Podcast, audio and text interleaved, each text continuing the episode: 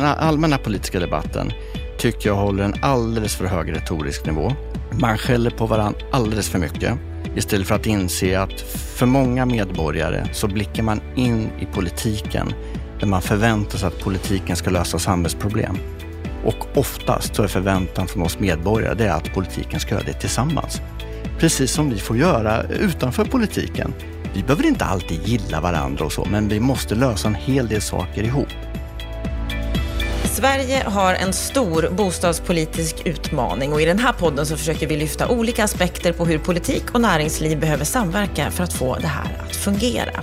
Idag ska vi få en djupare förståelse för hur det politiska läget är idag, hur politiken fungerar, vad som krävs för att kunna påverka och hur politiken behöver agera framåt.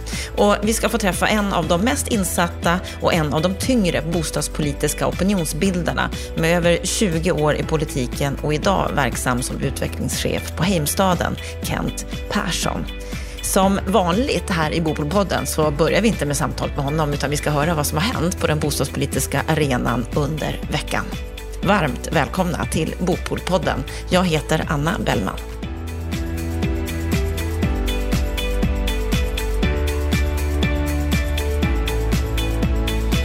Ja, Lennart Weiss, vår expertkommentator den här veckan. Vad har du snappat upp? Ja, som vanligt har det inte hänt så mycket i bostadspolitiken, utan man får ju hålla sig till debatten då, om man får vara lite humoristisk här. Det som har hänt i veckan, det är att eh, eh Finansinspektionen plötsligt har kvicknat till och eh, kommenterat debatten om eh, amorteringskravens effekter. Och jag tycker faktiskt att det är värt två kommentarer. Först i form.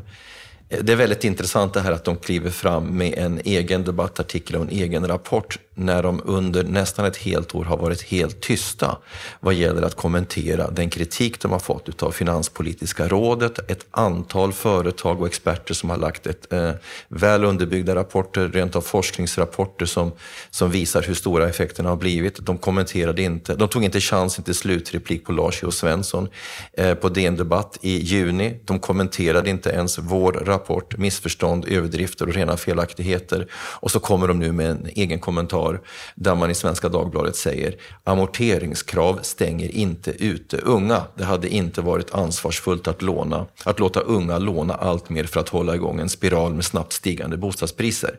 Ja, då vet vi i varje fall var de står. Och... Men kan det vara då så att de tycker att den kritik de får, allt det ni har kommit fram med, det är inte ens värt att bemöta, för det är absolut inte överensstämmande med verkligheten? Nej, Anna, det handlar om något annat, nämligen maktens arrogans. Det är så här den administrativa makten fungerar. Man försöker skapa sig ett tolkningsmonopol genom att prata i egna kanaler och inte gå in i debatten. Jag tycker det är oerhört ansvarslöst och det kommer jag att kommentera vid ett annat tillfälle och i andra former. Men när man då tittar på den här rapporten, det finns för det första en, en intressant, ett, som vanligt ett intressant glapp mellan vad Eh, myndighetens analytiker säger, respektive vad, man, vad Erik Thedéen säger i media. Därför att läser man rapporten, vilket jag har gjort, då kan man konstatera att, att eh, det sker en positionsförflyttning bland ansvariga tjänstemän på Finansinspektionen. Man har faktiskt rent av flyttat argumentationen från att försvara uppenbart felaktiga motiv till att nu säga att skadeverkningarna inte är så stora. Och tittar man noggrannare så, så erkänner man faktiskt också att kreditrestriktionerna har fått Eh, skadeverkningar. Man konstaterar att för gruppen som har beviljats bolån så är det alltså så, så, så, så, kan man säga att jämfört mellan 2012 och 2018 så är det en tredjedel av hushållen som idag inte kan få ett lån eh, i förhållande till 2012. Men observera, då har man bara analyserat de som har fått ett bolån tidigare. Man har inte analyserat den stora gruppen som aldrig har fått ett bolån. Vilket gör att man återigen har fel utgångspunkt för diskussionen och det kanske är min viktigaste invändning. Därför att här har det under året kommit väl underbyggda forskningsrapporter som har visat eh, på effekten för framförallt de unga då, i hela populationen, samtliga hushåll. Och då är ju effekten, alltså utifrån vetenskaplig forskning, otroligt eh, omfattande, speciellt i Stockholmsregionen.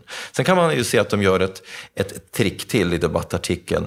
Man utgår ifrån effekter på riksnivå. Och det är ett, det är ett klassiskt statistiskt trick så att säga. Om du har väldigt stora effekter i en lokal marknad, då väljer du att smeta ut på en större geografi. Då får du andra effekter. Men det är ju ingen som har sagt att kreditrestriktionerna får jättestora konsekvenser i Storuman eller Finspång.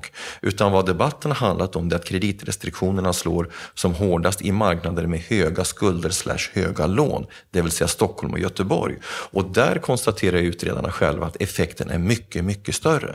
Så det är ju bara att konstatera att när när Erik Thedéen försöker göra politisk advokatyr av det här, då blir det just advokatyr. Det, det, det blir ett sätt att släta över, sätta ihop fakta på ett sätt som passar de, de egna grundteserna och, och, och då blir den totala bilden återigen vilseledande, vilket jag har upprepat gång på gång på gång under flera år.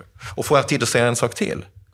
Så kan jag bara säga att det blir också väldigt konstigt. Man har hela tiden sagt att kreditrestriktionerna behövs för att motverka effekterna av en konsumtionsnedgång i en lågkonjunktur. Nu säger man att man kan tänka sig att justera kreditrestriktionerna om det skulle uppstå en lågkonjunktur för att stimulera hushållens konsumtion. Ja men ursäkta, man utlöser alltså en lågkonjunktur genom att strypa hushållens konsumtion. Sen ska man parera det i en lågkonjunktur. Detta är rena snurren, det är intellektuellt ohederligt.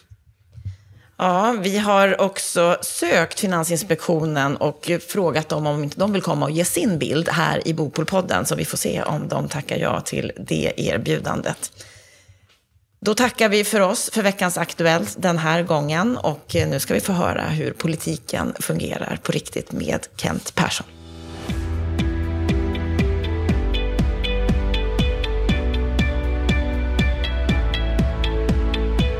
Han är en av de tyngre bostadspolitiska opinionsbildarna med 20 års erfarenhet av ledarskaps och organisationsutveckling och påverkansarbete. Bland annat som partisekreterare för Moderaterna under några år.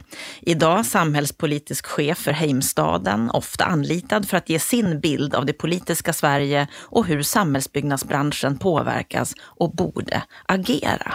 Varmt välkommen till Bopolpodden Kent Persson. Tack så jättemycket. Vad är din sinnesstämning idag?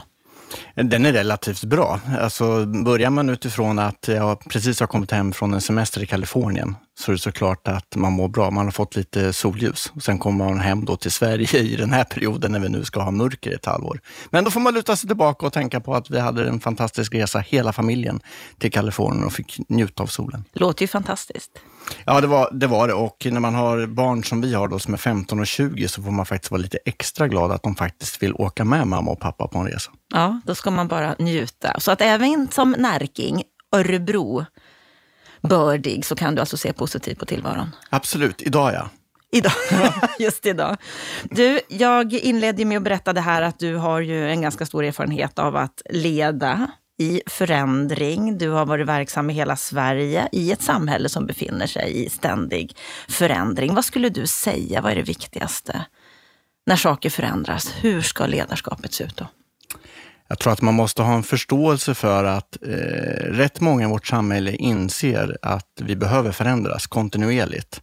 Eh, men det brukar också vara så att när det börjar närma sig sig själv, då börjar det bli svårt. Ska jag Eh, förnya eller förändra med Och då sätter det motståndskrafter igång. Så ska man leda organisationer eller verksamheter i förändring så gäller det att vara ödmjuk och också tror jag fokusera väldigt mycket med, på att få med sig människor. Förklara varför man måste in i den här resan. För oftast är den ganska så jobbig och det är jobbigt att förändra sig själv. Men ska man klara av sina uppdrag framåt så behöver man det. Är det skillnad på politiska organisationer och andra typer av verksamheter när det gäller det här? Jag skulle säga det att kommunal sektor som ibland, eller offentlig sektor som ibland får skäll för att vara stelbent och kanske lite långsam, så skulle jag säga det att min uppfattning är när man leder Eh, är med och leder en kommun eller ett landsting i en förändringsresa så tycker jag att det brukar gå ganska så bra. Dels av det skälet att som arbetsgivare kan du då samarbeta med facket och det brukar också finnas en stor välvilja till att göra förändring för att faktiskt se till att klara sina huvuduppdrag.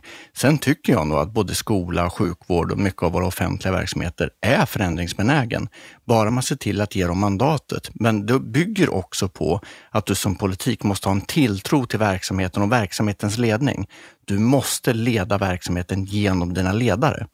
När man som politiker inte gör det, utan så att säga vill köra över och köra förbi eh, sina chefer, det är då man oftast får problem. Och om du tittar på det läge Sverige är i idag, där det händer mycket. Vi pratar om att kanske en lågkonjunktur verkligen är på väg? Har vi rätt ledarskap för det? Blickar vi bakåt så har ju Sverige varit fantastiskt bra, tycker jag, oavsett politisk ledning, på att just förändra sig. Vi har gjort det ungefär vart tionde år. Så har Sverige, både kommuner och egentligen landet, gått igenom eh, olika, eh, olika storlekar på förändring, men vi är förändringsbenägna i det här landet. Och då ska jag också säga det att politiken brukar ha en ganska så bra beslutskraft. Det vill säga man tar de besluten som är nödvändiga och man gör det ganska så fort. Ibland får jag frågan så här, Åh, eh, är det inte jätteskönt att komma till näringslivet där tempot är mycket högre? Det är ju både ja och nej. Politiken, när det brinner till, är oerhört effektiv på att fatta nödvändiga beslut och genomföra dem. Medan ibland upplever jag när man kommer ut i näringslivet och det börjar bli lite tuffare och man behöver fatta tuffa beslut, då är man inte alls lika snabb. Plus att offentlig sektor och politik är van med att ständigt bli granskad. Medan man i näringslivet blir ganska så nervös när media börjar granska ens beslut och varför man gör. Så det finns en skillnad där. Blickar vi framåt däremot så är det såklart att min oro lite grann, det är nu att vi har haft, vi har haft goda tider ganska så länge. Tittar vi på eh, det politiska systemet så har man gått ifrån att leda opinion, eh, se till att skapa opinion för sina värderingar, även när det har blåst motvind, till att, tycker jag, de senaste åren, och det är inte bara i Sverige, det är ju hela västvärlden, så har vi fått en politik som snarare följer opinion. Eh, så att förr i tiden när politiken kritiserade kapitalet för att vara kvartalskapitalism, så tycker jag att marknaden, näringslivet har lärt sig att bli mer långsiktig i sin strategi och sitt tänkande och planering, medan politiken har blivit allt mer kortsiktig. Så idag kan vi nästan prata om kvartalspolitik. Och det gör mig orolig nu när vi är på väg in mot sämre tider. Att det är för kortsiktigt? Det är för kortsiktigt. Man tänker inte ens i en mandatperiod tyvärr alltid. Och det tror jag skapar svårigheter i att nu eh, ha en grund för att kunna fatta de mycket tuffa beslut som politiken står inför. Mm, vi ska återkomma till det, men jag är lite mer nyfiken på dig först innan vi helt hamnar i, i politiken. Men du har ju jobbat inom det politiska i några år. Vad är det du har trivts med när det gäller det? Närheten till människor. Nu hade jag den stora förmånen att jag fick liksom byta uppdrag med jämna mellanrum. Jag har både varit också kommunalråd och landstingsråd och sen avslutade jag det med att vara partisekreterare. Men närheten till människor är ju det som driver och nyfikenheten. Och jag upplever att de dryga, dryga 20 åren jag hade i politiken, när man träffade både verksamhet, allmänhet, väljare, men även media, så fanns det oftast en väldigt stor eh, lust att berätta om sin verksamhet och stolthet. Om du bara som politiker valde att lyssna, så var det väldigt många som ville berätta om sina erfarenheter och sin stolthet över att vara, jobba i äldreomsorgen, sin stolthet över att vara förskollärare. Och när du hade lyssnat tillräckligt mycket så kom de också med synpunkter på vad som behöver justeras, vad som inte funkar. Och fortsätter du att lyssna, då ställer de också frågan, vad vill du göra åt det här? Så att rätt mycket byggde faktiskt på ödmjukhet, lyssna, men det fanns, tycker jag, en stor respekt för det politiska uppdraget och det gjorde ju att jag orkade vara aktiv i så många år. Och vad var det som gjorde att du sen då valde att byta sida och gå till Heimstaden? Det var nästan 25 år i politiken. Jag hade varit på både kommunal nivå, landstingsnivå och sen då de sista tre åren på nationell nivå. Och eh, någon gång i livet så kanske man ska faktiskt ta och förändra sig. Eh, man ska leva som man lär. Men det är inte så ofta heller man kanske får en möjlighet till att göra ett skifte i karriären och göra ett skifte i sitt liv. Eh, och jag tyckte att det var ett bra tillfälle att faktiskt ta den tiden, fundera igenom och se det kanske finns något annat att göra än att vara partipolitiskt aktiv. Och du är samhällspolitisk chef för Heimstaden. Du är ansvarig för deras påverkansarbete. Vad är det du försöker påverka? Jag, jag, tycker vi försöker jobba i ett par olika perspektiv. Vi har ju valt att eh, inte vara så aggressiva i diskussionen med politiken om vad som behöver göras och inte göras, utan vi har valt att med långsikt, försöka bygga långsiktiga relationer in till politiken som bygger på dialog. Tittar vi på huvuduppdraget så är det såklart att i första hand så har vi många samtal med kommunala ledningar där vi försöker beskriva vad vi kan göra på orten, vad vi kan medverka till att öka tryggheten, öka bostadsbyggandet, hjälpa till med de lokala utmaningarna. Det är jätteviktigt för oss att ligga nära våra kommunala ledningar och försöka hitta ett lokalt samarbete. Varje kommun, varje stad har sina faktiskt unika eh, utmaningar och man behöver jobba på lite olika sätt. Det försöker vi göra. Tittar du på det nationella planet så är det såklart att det är väldigt viktigt för oss att tillsammans med branschen skapa en förståelse för eh, vad som är drivkrafterna i bostadsbranschen och vad det är som är hindren och vad politiken kan göra för att underlätta. Men också vad det kan innebära med politiska beslut som faktiskt höjer murarna eller kanske till och med skälper oss. Det här försöker vi ha eh, många och långa samtal kring. Vad skulle du säga är det viktiga när man vill påverka och komma framåt? Ja, dels så tror jag att det är jätteviktigt att man själv tror och brinner för sin fråga. Eh, det märker nämligen omgivningen när du träffar dem. Är du ordentligt påläst och också har det extra, extra energi, extra, extra engagemanget i det, då är det lättare att påverka. Sen är det jätteviktigt att förstå logiken med de man träffar. Det vill säga att är du i näringslivet ska träffa politik, då måste du ha satt dig in i hur ett, parti, ett politiskt parti fungerar. Du måste förstå hur eh, vi stiftar lagar i det här landet. Du måste förstå hur logiken är på lokalplanet när man fattar kommunala beslut. Om du inte förstår det så är det jättesvårt att påverka. Från den andra sidan ska jag säga det att när du är politiker så är det faktiskt samma sak. Du, om du ska kunna vara en bra politiker och fatta bra beslut, oavsett om det är kommun eller riksdagen, så måste du förstå vad drivkrafterna är för föreningsliv eh, eller då för näringslivet. Så att jag skulle också säga det att rätt mycket av det arbete som jag bedriver och vi från Heimstaden försöker göra, det är att skaffa liksom en mötesplats och ett samtal där vi ökar förståelsen oss emellan. Och det tror jag branschen skulle behöva göra ännu mer. Kan vi få politiken att förstå vår logik, då kommer det vara lättare för dem att fatta kloka beslut. Men vi måste också faktiskt ha, vara ödmjuka ifrån att de har, de har sitt uppdrag och det politiska uppdraget ska man ha respekt för. Men du lyckas bra i ditt arbete som opinionsbildare, i alla fall om vi tittar på Twitter och räckvidden där. I en undersökning som gjordes där nyligen så är du en av de tyngre bostadspolitiska opinionsbildarna med störst räckvidd. Och då skrev du så här, som en kommentar till den undersökningen, att det här ger bra förutsättningar framåt att påverka den bostadspolitiska debatten som kommer att öka de kommande åren. Vad är det som kommer att öka i den bostadspolitiska debatten, tror du? Jag tror att frågan kommer bli större och den kommer också komma till en punkt där politiken kommer behöva eh, ta ett antal beslut. Det har man inte behövt göra. Tittar vi tillbaka på, på bostadspolitiken så har den varit eh, ur ett politiskt perspektiv, partipolitiskt perspektiv en fråga som man hanterar lokalt, men nationellt så har vi knappt sett den. Det finns en brist också i partierna i hur de har arbetat med sin policyutveckling. Eh, de allra flesta i det här landet har en bostad. Så trycket från väljarna, medborgarna, är inte jättestort mot politiken att ge sig in i det här. Jag tror att det kommer att öka.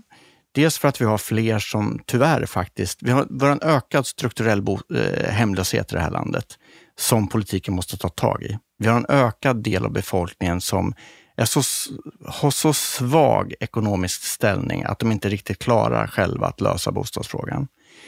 Tittar vi på våra stora bostadsområden så är många av de här områdena i stort behov av renovering. Vi vet också att utanförskapet i många av de här stora bostadsområdena börjar bli så stort att det nästan kan beskrivas som att vi är på väg att få parallella samhällen. Det här gör att kanske en av de största politiska utmaningarna om du blickar framåt de kommande tio åren, det är att minska segregeringen i de här eh, bostadsområdena och vända utvecklingen. Lägger du till den, den migrationen vi har haft de senaste åren så är det såklart att det är en ganska stor utmaning. Och jag tror inte att politiken i så väldigt många år till kan bara skjuta frågan framför sig. Den här frågan är på väg att hamna mitt i politikens knä. Och politiken är faktiskt inte riktigt förberedd för det. Det kommer inte hända så mycket närmsta tiden, tror du? Jo, jag tror att det kommer börja röra sig, men det är inte så att de har, har utvecklat, egentligen inte något parti har inte utvecklat en sammanhållen bostadspolitik som gör att man kan börja liksom lösa de här problemen. Det gör att för oss som är verksamma i, i, i, i fastighetsbolag så finns det nu, tror jag, en öppning i att påverka politiken, att ta tag i frågorna. Vi kan bidra ännu mer eh, med vår kunskap och våra perspektiv. Och det är många fastighetsbolag idag som också vill ta ansvar för att utveckla de här eh, bostadsområdena som har stora utmaningar. Så det menar jag också i när det gäller om den bostadspolitiska debatten. Jag tror att den kommer att öka. Och jag tror att har man etablerat sig i den allmänpolitiska debatten så bör man ha en hygglig chans att också kunna påverka både innehållet i samtalet men också resultatet. I en artikel i Fastighetsnytt nyligen så sa du att politiken kan inte lösa det här på egen hand. Branschen behöver kliva fram och ta ett större socialt ansvar. Ja, för att ska man då titta på vad branschen behöver göra eh, så är det också alldeles uppenbart så att branschen behöver inse att det räcker inte med att jobba med ekonomisk hållbarhet. Det gör de allra flesta bolag. Man är starkt finansierad, de allra flesta, och kommer att klara av att gå igenom en lågkonjunktur. Eh, de allra flesta fastighetsbolagen jobbar seriöst med klimatutmaningen. Man kan ha lite olika syn på tempot, men de allra flesta jobb, jobbar med det. När det gäller den sociala dimensionen så är det eh, är inte alla bolag där än. Jag tror att alla bolag behöver jobba med det på ett helt annat sätt och strukturerat. Och det är också så att politiken klarar inte av att lösa de här utmaningarna själva. Lika lite som fastighetsbolagen och näringslivet kommer att klara av att lösa det själva. De här utmaningarna är så stora så att vi måste hitta en samsyn i vart vill vi nå och vad är resultaten? Och hur kan vägen dit se ut gemensamt? Vi kommer behöva stöd från politiken, både i när det gäller eh, jag ska säga så här, vi behöver stöd från politiken, möjligtvis i en del lagstiftning och en del policy. Men framför allt så kommer vi behöva stöd från politiken i attityd och retorik. Det vill säga, det måste finnas en tilltro också från det politiska systemet att det privata näringslivet och privata fastighetsbolag vill vara med och hjälpa till. Och här har vi ju en ny bostadsminister i Bolund. Hur klarar han sig just nu, tycker du, när det gäller att möta upp mot de här behoven som finns idag? Jag tycker att det första man ska berömma honom för det är att sedan han tillträdde så vet jag att han har haft många samtal med branschen. Det är många av oss som har träffat honom både en och två och kanske till och med tre gånger. Eh, och även hans statssekreterare och hans stab runt honom. Min, min bild och upplevelse av samtalen med honom och, och eh, departementet, det är att de är uppriktigt eh, intresserade av att ta del av vår kunskap och vår syn. Så att just nu så har det varit väldigt många samtal där, jag har känt att de tankar av oss vad vi tycker och vad som behöver göras. Sen ska det där omformuleras till politik och det är något annat. Men än så länge så tycker jag faktiskt att de har, de har bjudit till och lyssnar ödmjukt. Det är en bra start på, på att ändå liksom börja arbeta med frågan. Bolund är en erfaren politiker. Eh, stor erfarenhet. Eh, jag ska säga att han är erkänt skicklig politiker. Huruvida han lyckas med sitt uppdrag, i de här stora frågorna, det hänger ju inte bara på honom. Utan det hänger ju i allra högsta grad också på vad Socialdemokraterna gör och vad finansministern gör. För många av frågorna ligger ju ändå på finansministerns bord snarare än på finansmarknad och bostadsministerns bord. Så att han måste också få med sig Socialdemokraterna i en resa. Att man måste nu våga göra en hel del förändringar på det bostadspolitiska området. Och här har vi den här utmaningen som du också har tangerat, att det var ett tag sedan det var val nu. Han har lyssnat in, eller de har lyssnat in. Det har ju gått ett tag. Snart är det val igen. Fyra år går fort. Kommer det att hända? Kommer de att komma till skott och göra den här politiken som krävs? Eller blir de kommande åren här nu inför nästa val mer ett avvaktande och att vi kan ju inte göra för stora förändringar för snart är det val igen? Jag sa så här redan inför valet, när vi hade många av de här samtalen, eh, att eh, man ska inte ha för stora förhoppningar på att det kommer att ske stora förändringar under den här mandatperioden. Av det enkla skälet att det var inget parti som hade förberett ett stort bostadspolitiskt liksom, program. Så att partierna måste själva först liksom, eh, komma ikapp i sin egen utveckling och sin egen politik innan man kan sätta sig och förhandla. Det som sen skedde efter valet var att vi har fått den här eh, regeringen med också då ett samarbete med Centern och Liberalerna och januariöverenskommelsen. Där finns det en del bostadspolitik. Eh, att politiken skulle mäkta med mer än vad som står i det avtalet den här mandatperioden, det tror inte jag är möjligt. Då kan man fundera på, är det tillräckligt, det som finns i det avtalet? Eh, nej, det löser inte de grundläggande problemen på svensk bostadsmarknad. Absolut inte. Men, ska jag säga, det som är positivt med det, det är att för första gången på, på i alla fall årtionden så är bostadsfrågan uppe på bordet och det faktiskt resoneras om en del reformer på regeringsnivå. Det har det inte gjort. Så att jag tycker ändå att det är ett första steg. Jag hoppas att man liksom landar ner och också att de här reformerna blir bra. Men att det också är startpunkten på att man sen i nästa mandatperiod kan genomföra mer omfattande. Räcker det? Alltså jag ska säga det att man måste också ha respekt för att det politiska systemet, det tar tid. Det är snarare så att vi kan efterlysa fler åtgärder, absolut. Men jag tror att vi ska akta oss för att också kräva att det ska gå fort. För att det politiken snarare behöver göra, det är att dra ut tidslinjen, dra ut modet, att våga fatta beslut som sträcker sig över mer än liksom bara ett år eller en mandatperiod. Och de här förändringarna som behövs på, på det bostadspolitiska området, de måste ju liksom sitta sen i rätt många årtionden. Så att om det tar ytterligare några år, det tycker inte jag är bekymmersamt. Det viktiga är att samtalen kommer igång och blir ännu bredare. Det är, så, det är, en del av de här reformerna på bostadspolitiska området som är så stora och omfattande att det måste ske i en ännu bredare, med ett ännu bredare stöd i riksdagen. Eh, det kommer inte räcka med de partierna som har januari, eh, januariöverenskommelsen, utan eh, helst måste, både, helst måste Socialdemokraterna och Moderaterna finna varandra och hitta varandra. Och där tycker väl jag att där kan man vara lite orolig, för de står ganska... Tittar du sakpolitik i flera politiska områden så står de inte jättelångt ifrån varandra. Men retoriskt är de ju på väg att måla ut varandra igen som så stora fiender att det inte går att bli överens. Det är bekymmersamt, särskilt när vi är på väg in i en lågkonjunktur. Socialdemokraterna och Moderaterna måste ha modet att faktiskt orka sätta sig med varandra och förhandla och bli överens om politik som kan genomföras. Och som du sa, det här 73-punktsavtalet eller programmet, det är inte tillräckligt på långa vägar, men det är ju ändå en del frågor där som, som rör det bostadspolitiska området och hyressättningssystemet exempelvis. Hur, hur ser du på det? Kan det bli ändå steg i rätt riktning? Ja, det kan bli steg i rätt riktning. Jag tycker att det är intressant att man ändå när det gäller hyressättningssystemet eh, är beredd att titta på att läge och kvalitet ska spela roll för vilken hyresnivå man har. Jag tycker att det är bra att man tittar på, eh, och helt nödvändigt att lösa ut, det är ju vad händer eh, i konflikten när fastighetsägarna och Hyresgästföreningen inte är överens om vilka hyreshöjningar vi ska ha. Ja, idag så är det ju praktiken så att Hyresgästföreningen då har vetot och så kommer man liksom inte vidare. Eh, och jag vet att man ska utreda detta. Vårt tydliga besked till politiken i den delen, det är att ni måste få en lagstiftning på plats som gör att när man inte är överens så går man vidare och får liksom det avdömt. Det kan inte bygga på att vi ska frivilligt komma överens, för det kommer inte ske. Utan här måste du ha till en stark lagstiftning som gör att, att det blir en hyresnivå så att man kommer vidare. Det är två intressanta saker jag vet att det finns en hel del diskussion kring detta med nyproduktionen och det så kallade eh, marknadshyror. Ska man väl säga det att blickar vi ut över landet utanför Stockholm så skulle jag säga idag att på nyproduktionen idag för hyresrätter ute i landet så ligger i princip alla så nära marknadshyra du kan komma. Så det, det, går inte att ta mer betalt för då, då finns det ingen efterfrågan. Det finns det ingen kund som är beredd att hyra. I Stockholmsområdet är det ju annorlunda i och med att bostadsbristen är så akut.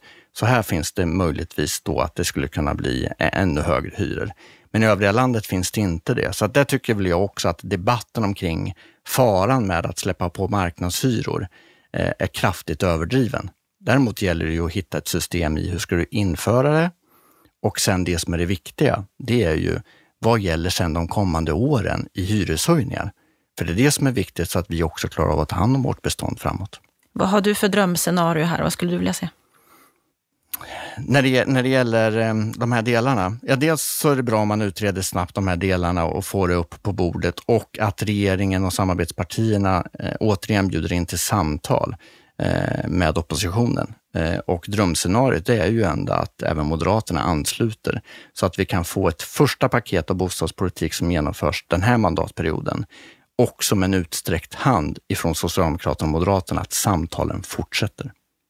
Och som du sa, vi har ju en min minskat bostadsbyggande nu. Det är, det är kris i vissa, vissa delar i landet. Vi har en ökad hemlöshet. Vad är, vad är ditt recept för att vi ska minska vår bostadsbrist? Så det som bostadsdebatten och eh, det man behöver ta tag i, det är ju att då måste man också ta in hela beståndet. Nyproduktionen är ungefär 1 procent av hela beståndet per år. Sannolikt så kommer vi inte kunna producera nya bostäder som blir så billiga så att vi når den gruppen som har svårt att få en bostad idag. Alltså hemlös, hemlösa människor kommer inte ha köpkraften att gå in i nyproducerade bostäder oavsett hur mycket vi kommer försöka pressa nyproduktionen i pris. Det finns liksom en diskussion om att vi ska ha billig, billiga nyproducerade bostäder Absolut ska vi jobba med effektivitet och det går säkert att, att försöka pressa priserna ytterligare lite grann. Men det är inte svaret på den utmaningen. Svaret på hemlösheten, svaret på att få in människor som är eh, utsatta, det är att vi måste använda vårt befintliga bestånd bättre. Det är det ena. Kan vi få en, en bättre rörelse som gör att unga människor, våra nya svenskar, ekonomiskt utsatta, kommer in i det begagnade beståndet som har lägre hyror och därifrån sen kan jag göra en bostadskarriär. Det är det ena som måste göras. Det andra är att politiken måste ännu tydligare faktiskt eh, adressera utmaningen. Det finns en liten konstig diskussion nu. Det är att man förväntar sig att marknaden ska ta hand och fixa bostäder åt de som har det allra svårast. Det är inte riktigt vårt uppdrag tycker jag. Utan vi har en grupp människor nu som är väldigt, som är väldigt utsatta. Det är det gemensammas uppdrag att lösa det. Det vill säga politiken måste forma en politik och åtgärder för hur ska vi få in dem i samhället? För det är inte bara det att de har svårt att få en bostad. De är sannolikt helt utanför arbetsmarknaden. De lever i ett skuggsamhälle. Eh, så att detta är i allra högsta grad en politisk fråga. Att se till att få in dem på rätt sida av samhället. Då vet vi att om man, ham- om man får en bra bostad så är det lättare att komma in i utbildning. Det är lättare att få in sina barn i skola. Det är lättare att själv komma igång med sysselsättning. Men det är politikens ansvar att se till att det blir så? Politiken måste forma en, en, en eh, åtgärdslista för hur vi får in dem. Och det är klart att Förmodligen handlar det faktiskt om att politiken måste ta fram reformer för att eh, stärka deras köpkraft. Det vill säga, vi behöver förmodligen ha riktade bidrag mot de som har det allra svårast för att de ska kunna ta sig in på bostadsmarknaden. Och när vi ser den här bostadsbristen vi har, det är ju inte bara de som är allra mest utsatta som, som behöver bostäder, det är fler som behöver det. Tidigare har du förordat mer billiga hyresrätter. Är du kvar i den uppfattningen? Ja, men vi, behöver, eh, vi, behöver, eh, så här, vi behöver fler bostäder för att kunna öka rörligheten. Vi behöver arbeta med att försöka få ner priset på hyresrätter. När det gäller hyresrätter så är det viktigt för, eh, för många kommuner och orter att kunna växa och regioner. Det är ju att våra ungdomar måste kunna flytta hemifrån. De måste kunna flytta till högskole och universitetsorterna och börja studera. Finns det då inte bostäder där så är det ju risk att en och annan ungdom inte kommer in på sin utbildning eller tar utbildning för att man liksom inte kommer vidare ungdomar måste få en möjlighet att kunna, kunna ta sitt första jobb och flytta till sin första bostad. Det är klart att, att, ungdoms, att det är ett problem att ungdomar idag känner att de blir inlåsta eh, hemma. På samma sätt så är det ett problem med våra nya svenskar som känner att inte de får en egen bostad och kan ta livet vidare. Och det tredje problemet som vi börjar se i en ökad utsträckning, framför allt i storstäderna och kanske Stockholm, det är att människor som eh, får förändrade levnadsvill, eh, eh, förändra livet det vill säga att man kanske skiljer sig, att det händer någonting, också har svårt att få bostad. Så vi måste få fram fler bostäder. Vi måste öka bostadsproduktionen och vi måste titta på att faktiskt få ut bostäder som motsvarar det som är efterfrågan. För det har vi inte lyckats med. Jag skulle säga det att tittar du från nu och bakåt i en fyra, fem år, så har nu branschen och i viss mån kommunerna gjort enkla. Det vill säga, nu har man släppt på ganska stora volymer av bostäder riktat mot en grupp som är hyggligt köpstark och som har efterfrågat den typen av bostäder. Nu är den kvoten fylld. Nu måste vi börja arbeta med att liksom nå de andra grupperna som står längre ifrån bostadsmarknaden och arbetsmarknaden. Och då krävs det något annat.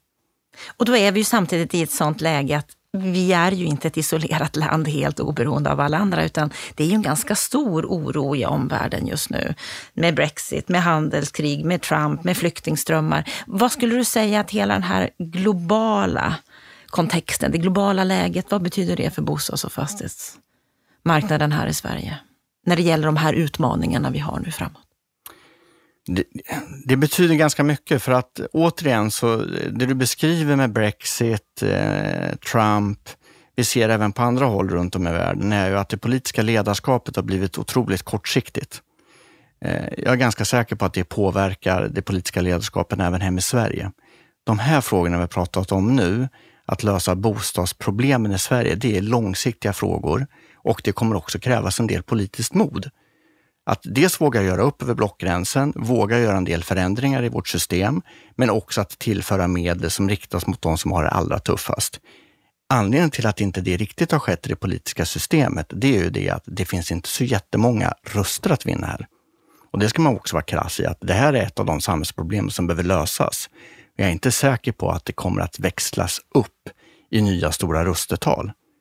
Ännu viktigare att politiken orkar göra det. Och då när man finns i en omvärld där den typen av politiskt ledarskap inte belönas någonstans, då finns ju risken att det faktiskt också färgar politiken i Sverige och mediediskussionen. Det andra det är ju att vi förmodligen är på väg in mot en lågkonjunktur. Och då är det såklart att finns resurserna för detta? Ja, tittar, vi på, tittar vi på marknaden så skulle jag säga det att det som har hänt i Sverige de sista tio åren, i och med Heimstadens entré och att vi nu har växt, vi har ungefär 30 000 lägenheter i Sverige, finns i 30 kommuner. Eh, Rikshem, Wilhelm, Victoria Park. Eh, ja, vi är ju flera bolag som har en stark ägare eh, i form av pensionskapital som är långsiktiga. Det här gör ju att det finns en annan, en annan typ av aktörer i Sverige nu än vad det fanns för tio år sedan. Vi är också eh, starkare i att kunna gå igenom en lågkonjunktur. Kunna fortsätta investera i våra fastigheter, kunna fortsätta köpa. Jag skulle också tro det att vi skulle kunna pressa byggpriserna på nyproduktionen när vi går in mot en lågkonjunktur. Vi har varit i en överhettad, eh, överhettad marknad där eh, till delar priserna på, på nyproduktionen har skenat. Det kanske kan stabilisera sig nu. Så att det finns några uppsidor. Och Det kanske också är så att till slut så blir krisen och krismedvetenheten i politiken så stor att man faktiskt är beredd att börja fatta beslut. Du har tidigare sagt att ni på Heimstaden ni kommer att prioritera socialt arbete mycket mer framåt. Hur mycket mer? Vi jobbar med, eh, hela vår hållbarhetsfråga jobbar vi med, mycket mer än vad vi gjort tidigare. Eh, tar vi de sociala frågorna så tycker jag vi ligger närmare kommunerna för att hitta lösningar. Jag är övertygad om att vi kommer att jobba ännu mer. Och det är klart att eh, hela den här frågan kring eh, en av de enkla lösningarna och eh, en av de stora frågorna, jag ska inte säga att det är en enkel lösning, men en av de lösningar som vi jobbar med i princip alla kommuner där vi finns, det är ju bostadssociala kontrakt tillsammans med kommunen. Där kan vi fortsätta jobba med och vi skulle också kunna sätta av en större andel. Det är ett sätt att faktiskt få in de som inte idag får en egen bostad in i en bostad och kunna börja bygga sina liv. Sen har vi en annan också enormt stor utmaning och det är ju vår demografiska utmaning när de äldre blir äldre, de unga blir fler och behöver skolor, service. De som har möjlighet att betala för det här blir färre. Hur ska vi lösa den här enorma utmaningen? Är politiken redo? Jag hoppas att politiken eh, gör sig redo för att det kommer att behöva fattas ett stort antal tuffa beslut framåt. Tittar du på just detta med ehm, problemet att få ihop investeringarna. Nu står kommunerna inför rätt så omfattande investeringar att både bygga ut samtidigt, både bygga ut förskola, skola och äldreomsorg. Det har vi faktiskt inte riktigt varit vana vid. Eh, så att många kommuner idag börjar ju få belåningsgrader som börjar bli så höga att de kanske inte kan låna på sig hur mycket som helst. Å andra sidan skulle jag säga det att idag så finns det som sagt var ett antal stora fastighetsbolag som är beredda att investera. Både i att hjälpa till att lyfta de här utsatta bostadsområdena, men det finns också många av oss som är beredda att gå in och investera i samhällsfastigheter. Det finns renodlade samhällsfastighetsbolag, det är bra. Och sen finns det några som jobbar både med bostäder och samhällsfastigheter. Det är ju ett sätt att, eh, för kommunerna att minska sitt behov av att låna upp. Och det skulle också kunna vara en del av lösningen, att faktiskt samarbeta med privata företag och också hitta en annan typ av finansiering på de investeringarna vi har framför oss.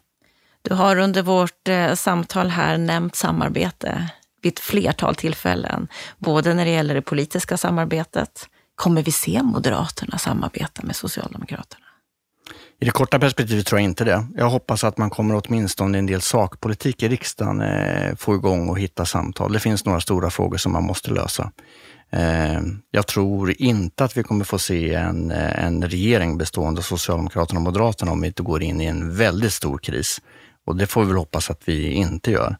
Eh, utan jag tror att vi kommer ha ett väldigt stökigt politiskt läge även efter nästa val. Vad som händer sen längre fram, det är svårt att säga om, men vi skulle behöva eh, stabilare regeringar som också har mandatet att genomföra förändringar. Och det är väl svagheten med dagens regering, att de har inte i ett val fått mandatet att genomföra stora förändringar. Och då kommer den här efterfrågan på ett samarbete i ett bredare perspektiv där politiken kan samarbeta med näringslivet för att lösa de demografiska utmaningarna och allt det där vi har pratat om idag. Kommer vi se ett större samarbete här på nationell nivå, tror du? Jag tror att när du tittar på eh, samverkan mellan eh, politik, näringsliv, offentlig sektor, näringsliv, så tycker jag att det finns ett bättre samarbete idag. Tittar du på mellan kommuner och bostadsbolag, fastighetsbolag, så redan idag så har vi ett bra samarbete. Jag tror att det kan växlas upp och jag tror att det finns från kommunpolitikerna en större pragmatisk inställning att liksom lösa saker. Och då inser man att idag finns det ett antal mogna företag och bolag som är beredda att göra det. Både i form av kompetens och resurser och en investeringsvilja. Jag hoppas verkligen att politiken på det nationella planet ser till att också hålla i den bostadspolitiska debatten. För det som skulle kunna skrämma bort eh, kapitalet, det är om, om vi som fastighetsbolag blir indragna i en, i en eh, tuff politisk retorik som gör att den politiska risken ökar för att investera i Sverige. Då kommer kapital söka sig ifrån Sverige.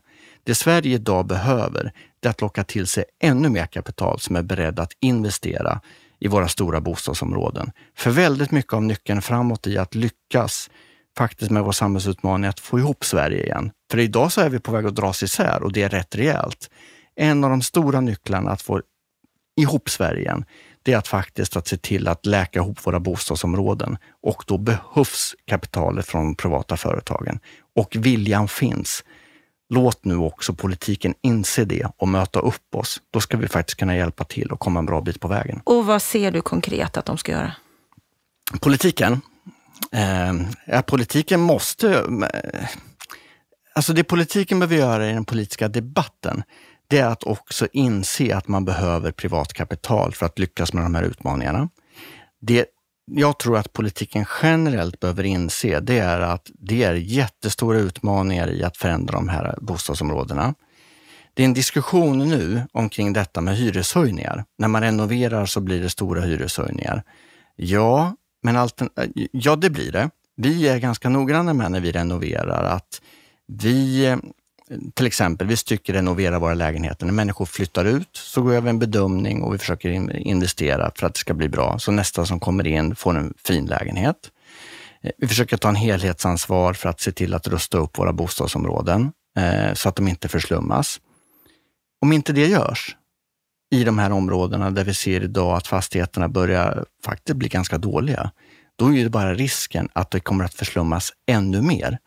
Så att det är inget alternativ från politiken att säga att nej, vi kan inte ha hyreshöjningar i de här bostadsområdena. Det skulle skapa, eh, det skulle göra att det är omöjligt att investera i områdena och det skulle göra att förslumningen ökar och att utanförskapet blir ännu större. Det som snarare krävs är ju att vi faktiskt genomför renoveringar i de här områdena och också locka till andra boenden. Jag, jag tänker så här i de här bostadsområdena. De som lyckas få jobb och vill göra en bostadskarriär, de ska kunna göra det i sitt eget område. Men det är också så att de här stora områdena ska kunna locka till sig andra som vill flytta dit. Ska det gå, då måste bostäderna bli mer attraktiva och då måste man in med kapital och renovera dem. Så det handlar inte om att vi ska skrämma bort människor. Det handlar om att faktiskt få ihop samhället. Och då behövs de här renoveringarna. Och då måste det samlade politiska ledarskapet i det här landet våga stå upp för det och lösa problemet med de som är utsatta, det måste politiken lösa. Vi kan lösa att vi tar hand om bostadsområdena. Om du tittar framåt, är du orolig eller ser du framtiden med tillförsikt? I det korta perspektivet kan jag vara lite orolig. Vi är på väg att få en politisk debatt allmänt. Eh, I den allmänna politiska debatten tycker jag håller en alldeles för hög retorisk nivå. Man skäller på varandra alldeles för mycket istället för att inse att för många medborgare så blickar man in i politiken där man förväntar sig att politiken ska lösa samhällsproblem. Och oftast så är förväntan från oss medborgare det är att politiken ska göra det tillsammans. Precis som vi får göra utanför politiken. Vi behöver inte alltid gilla varandra och så, men vi måste lösa en hel del saker ihop. Det måste politiken. Man måste ta sig ifrån de skyttegravarna man har satt sig i och börja pragmatiskt hitta lösningar. Jag tror att det är jätteviktigt i den situationen Sverige befinner sig i. Och om de gör det, då är du positiv framåt? Ja, det är det korta perspektivet som sagt var att eh, den politiska retoriken och det politiska ledarskapet just nu lyser lite grann med sin frånvaro. Eh, de måste samla ihop sig, de måste börja ta tag i det här. Långsiktigt så är väl jag ändå då positiv i att eh, det finns ett starkare näringsliv i Sverige som är beredd att också gå in och hjälpa till och lösa samhällsutmaningar för de allra mest utsatta. Så har det inte alltid sett ut, men nu finns det investeringsvilligt kapital som vill hjälpa till. Eh, och i grund och botten tror jag ändå att när politiken efter ett par kanske ytterligare ett par kullerbyttor kommer upp på fötterna igen och börjar leverera det som är deras huvuduppdrag, nämligen att lösa samhällsproblem. När de till slut inser, de etablerade partierna, att den vägen de är inne på just nu inte leder till ökad eh, väljarandel och är därmed heller inte leder till makt, då måste man göra något annorlunda. Och det är nog tillbaka till det som är politikens kärna, leverera lösningar. Då får vi se vilka som inser detta först och vinner nästa val. Stort tack för att du gästade Bopolpodden, Kent Persson. Tack så jättemycket.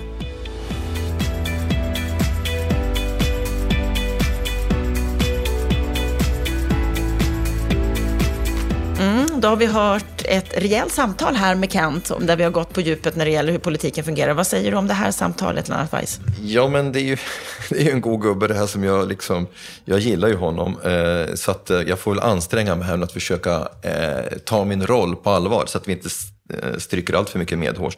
Men, men Ändå, i den stora bilden så har vi ju samsyn. Vi har ju samsyn på politikens oförmåga. Vi har en samsyn om att det behövs både privata intressenter och en aktiv politik för att lösa problemen. Vi är ense om att man måste hantera både successionsmarknaden och nyproduktionsmarknaden. Eh, så att vi är överens om, om eh, väldigt mycket. Om jag ska vara, vara petig på ett par punkter, får jag det? Så kan jag väl säga så här att han är lite elak mot politiken när han säger att inget parti har formulerat en heltäckande problemanalys eller ens embryo till ett program. Det tycker jag är fel. Även om alla som lyssnar på den här podden, i varje fall de flesta, vet att jag är socialdemokrat, så får jag ju erkänna att Kristdemokraterna har faktiskt gjort eh, mer än de flesta andra och, och tycker jag har, sånär som på några punkter, men det är mer detaljer, eh, faktiskt ett ramverk till ett heltäckande bostadspolitiskt program. Så det tycker jag man ska framhålla om man ska vara lite generös. Och det kan man väl vara så det här kan vi också. absolut vara i den här podden. Eller hur? Sen, sen så, sen så eh, så, så kommenterar han ju också vad som behöver ske framåt och, och konstaterar helt riktigt, där håller jag med honom om, att om någonting ska ske så måste socialdemokrater och moderater visa mod. Han hyllar ju Per Bolunds klokskap och, och, och så och jag håller med om det. Per Bolund är en kompetent och eh, kapabel politiker som ju förvisso har hamnat i en klämma eftersom han ju under så lång tid har försvarat kreditrestriktionerna. Nu har han svårt att ta sig ur det här, men nu när han har en dubbelroll så inser han ju att han måste också hantera konsekvenserna. Och det är nog helt riktigt som Kent säger, att då måste socialdemokrater och moderater hjälpas åt. Och det ser vi tyvärr inte så stora tendenser till, utan tyvärr så tycker jag nog att det budgetkamerala tänkandet fortfarande styr de finanspolitiska talespersonerna. Och ska jag sen kommentera en sak till som ju Kent kommenterar på tal om detta med kapitalet i det privata kapitalet. Jag håller ju med Kent om att det kommer behövas privat kapital i bostads och fastighetssektorn framöver för att lösa problem. Men jag, jag tycker man ska göra en liten eh, notering därför att det privata kapitalet som nu strömmar in i fastighetssektorn är i första hand eh, gör, gör för det första allra störst nytta när det gäller samhällsfastigheter, för där behövs det här kapitalet. Där finns det ett, ett, ett, ett, eh, ett investeringsunderskott som det privata kapitalet kan hjälpa till att lösa. När det sen gäller bostadsmarknaden så har ju, er, så har ju den gode Kent egenintressen och tittar jag då på hans bolag som han själv företräder, Heimstaden, så är ju de i huvudsak intresserade av att köpa förvaltningsfastigheter. Men de är inte jätteaktiva när det gäller nyproduktion och det gäller för övrigt de flesta privata aktörer som går in på den här marknaden idag. Så när man talar om att det privata kapitalet behövs, då skulle jag säga ja, ni behövs mer i nyproduktion nyproduktionen. Att köpa förvaltningsfastigheter med låga vakanser och säkra kassaflöden, det är en, det är en enkel business. Där, ja, ni kan väl syssla med det för affärernas skull, men ska ni lösa det bostadspolitiska problemet så behövs ni mer på nyproduktionssidan. Där hör du Kent. Men har han rätt i den här farhågan att om politikerna har en sån aggressiv retorik som de har idag, att de då kan skrämma bort kapital? Ja, är den så aggressiv? Jag, jag funderade på det när jag hörde honom säga det. Det finns ju en och annan, men jag skulle ju inte säga att det är en... Eh, alltså jag, jag, midstream eh, jag, politik liksom ser inte jag är så aggressiv som Kent säger. Det tycker jag nog är en mild överdrift. Han kanske hör en del, ska vi säga, eh, rituellt gnäll från socialdemokratiska kommunpolitiker när han träffar på dem. Eh, men det vet man ju, mest retorik. Vänsterpartisterna spelar ingen roll i den här diskussionen, så jag, där tycker jag han överdriver lite. Men har han rätt i att det kommer inte hända så mycket den här mandatperioden? Ja, tyvärr. Mm. Och så säger han att det kanske inte gör så mycket heller. Det vi behöver är ju stora övergripande bostadsplaner. Att om det dröjer några år till, det är inte hela världen. Nej, det håller jag inte alls med. Därför att Händer ingenting den här mandatperioden så kan vi räkna med att då kommer ingenting eh, reellt att ske förrän bortåt 2025. Men herregud, då har ju alltså Sverige vuxit med ett antal hundratusen människor till. Då kommer de här olika lagren av problem som vi har på bostadsmarknaden. Först eh, hemlösa och socialgrupp 4 och sen unga och ekonomiskt svaga. Och, och, och sen eh, vad ska vi säga, äldre som, som har behovet av en anpassad bostad och så vidare. Då kommer problemet att bli en lavin. Och det som jag är rädd för då, det är att man tar till desperata åtgärder åtgärder som på många sätt skapar eh, nya problem, som till exempel social housing-lösningar. Så att jag skulle säga att den politiker som vill bevara en sund bostadsmarknad eh, med de grunddrag som ändå finns i Sverige behöver agera nu. Och det är ju snarast en passning till den rödgröna majoriteten. Mm, vi får se om de har muskler nog och mod nog att agera nu.